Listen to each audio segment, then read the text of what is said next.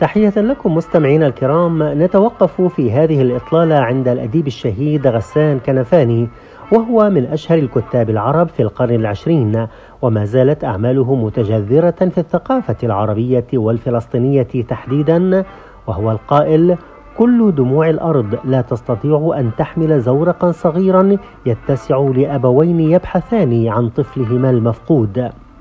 روايات شهيرة اكتسبت رونقها من ينابيع أفكار ويراع غسان كنفاني ومنها على سبيل المثال عائد إلى حيفا رجال من الشمس أرض البرتقال الحزين. أم سعد عن الرجال والبنادق القميص المسروق العاشق ما تبقى لكم عالم ليس لنا. الشيء الآخر. فتح غسان عينيه على الحياة في عكا يوم التاسع من نيسان أبريل عام 1936 وودع الدنيا شهيدا في بيروت عام 1972 حكايته في التغلب على المصاعب بدأت مع ولادته العسيرة من بطن أمه حيث كاد يختنق لكنه نجا. انتقل صغيرا من عكا إلى يافا ليلتحق بمدرسة الفرير. وعاش مع أسرته في حي المنشي بيافا وهو حي ملاصق لتل أبيب. هناك شهد غسان أولى حوادث الاحتكاك بين العرب واليهود إثر قرار تقسيم فلسطين ما دفع والده للعودة بالأسرة إلى عكا. لم يدم المكوث طويلا في عكا إذ أنه وفي أواخر نيسان عام 1948 اضطرت الأسرة لمغادرة فلسطين نتيجة حدوث النكبة الفلسطينية واستعار الهجمات المتكررة التي نفذتها المجموعات الصهيونية المسلحة ضد الفلسطينيين العزل فهجرت عائلة كنفان ديارها ولجأت إلى لبنان ثم إلى سوريا. اشترك غسان في برنامج الطلبة وبرنامج فلسطين في الإذاعة السورية.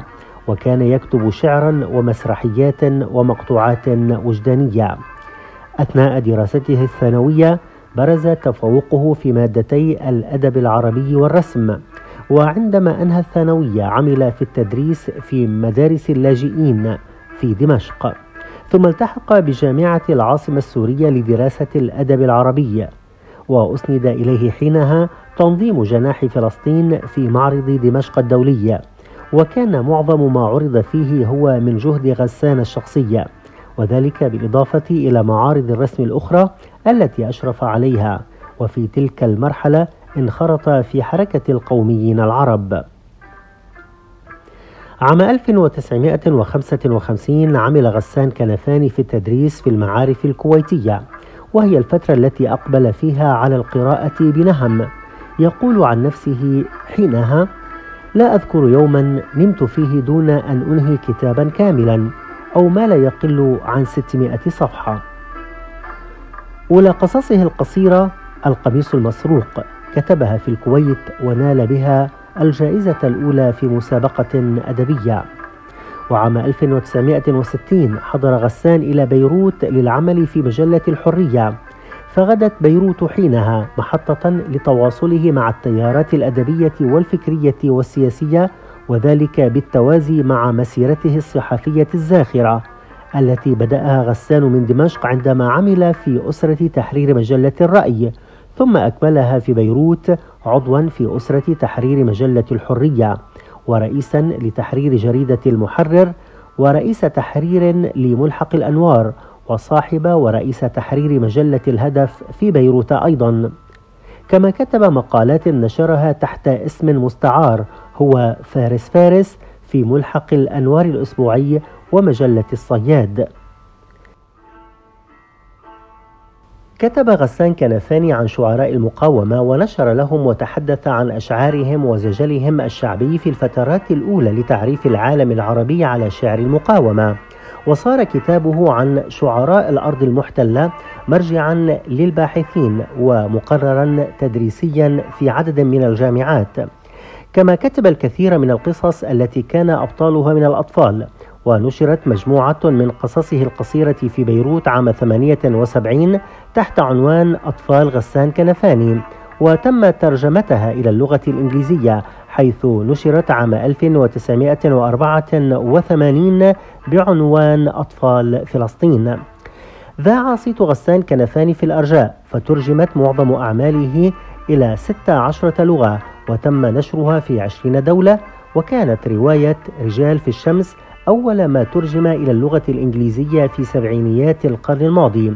وصدرت عن دور نشر في بريطانيا والولايات المتحدة الأمريكية. هذه المسيرة الزاخرة بالعطاء ورفع راية القضية الفلسطينية بالمداد كانت خاتمتها شهادة مرصعة بنجيع الدماء. كان ذلك عند العاشرة والنصف صباحا من يوم السبت الثامن من تموز يوليو عام 1972 حين قام جهاز الموساد الإسرائيلي بتفجير عبوة ناسفة داخل سيارة غسان في منطقة الحازمية ببيروت. وكان غسان برفقة ابنة شقيقته لميس حسين نجم البالغة من العمر 17 عاما فاستشهدا على الفور. وتشظى جسد غسان في المكان. ولم يتم التعرف إليه إلا من خاتم في إصبعه. تم دفنه في مقبرة الشهداء في بيروت ولم يتجاوز عمره حينها 36 سنة تميزت بعطائه الفكري والأدبي الغزير. صدرت بعد استشهاده عدة أعمال له من بينها القنديل الصغير القبعة والنبي القميص المسروق جسر إلى الأبد ما تبقى لكم الباب أدب المقاومة في فلسطين المحتلة الأدب الفلسطيني المقاوم تحت الاحتلال 48 68 في الأدب الصهيوني وله ثلاث روايات غير مكتملة هي العاشق الأعمى والأطرش برقوق نيسان. كما أن له رواية بعنوان العبيد لم تنشر في كتاب لكنها نشرت في مجلة الطليعة الكويتية الأسبوعية عام 1963 ويقال إنها أولى رواياته. رواياته وأعماله التي أنجزها خلال سنوات عمره القصير قيل فيها الكثير وما زال وعنها يقول الشاعر محمود درويش. لدى قراءة غسان كنفاني اليوم نكتشف أولا ودائما أنه في عمق وعيه كان يدرك أن الثقافة أصل من عدة أصول للسياسة وأنه ما من مشروع سياسي دون مشروع ثقافي. لعل المسعى الأهم لبحوث كنفاني الأدبية هو ذلك المتمثل في ترسيخ أسس ولادة الفلسطيني الجديد لجهة النأي عن الإنسان المجرد والفلسطيني المجرد والاقتراب من الإنسان الفلسطيني الذي يعي أسباب نكبته ويدرك أحوال العالم العربي ويعرف أكثر ماهية الصهيوني الذي يواجهه.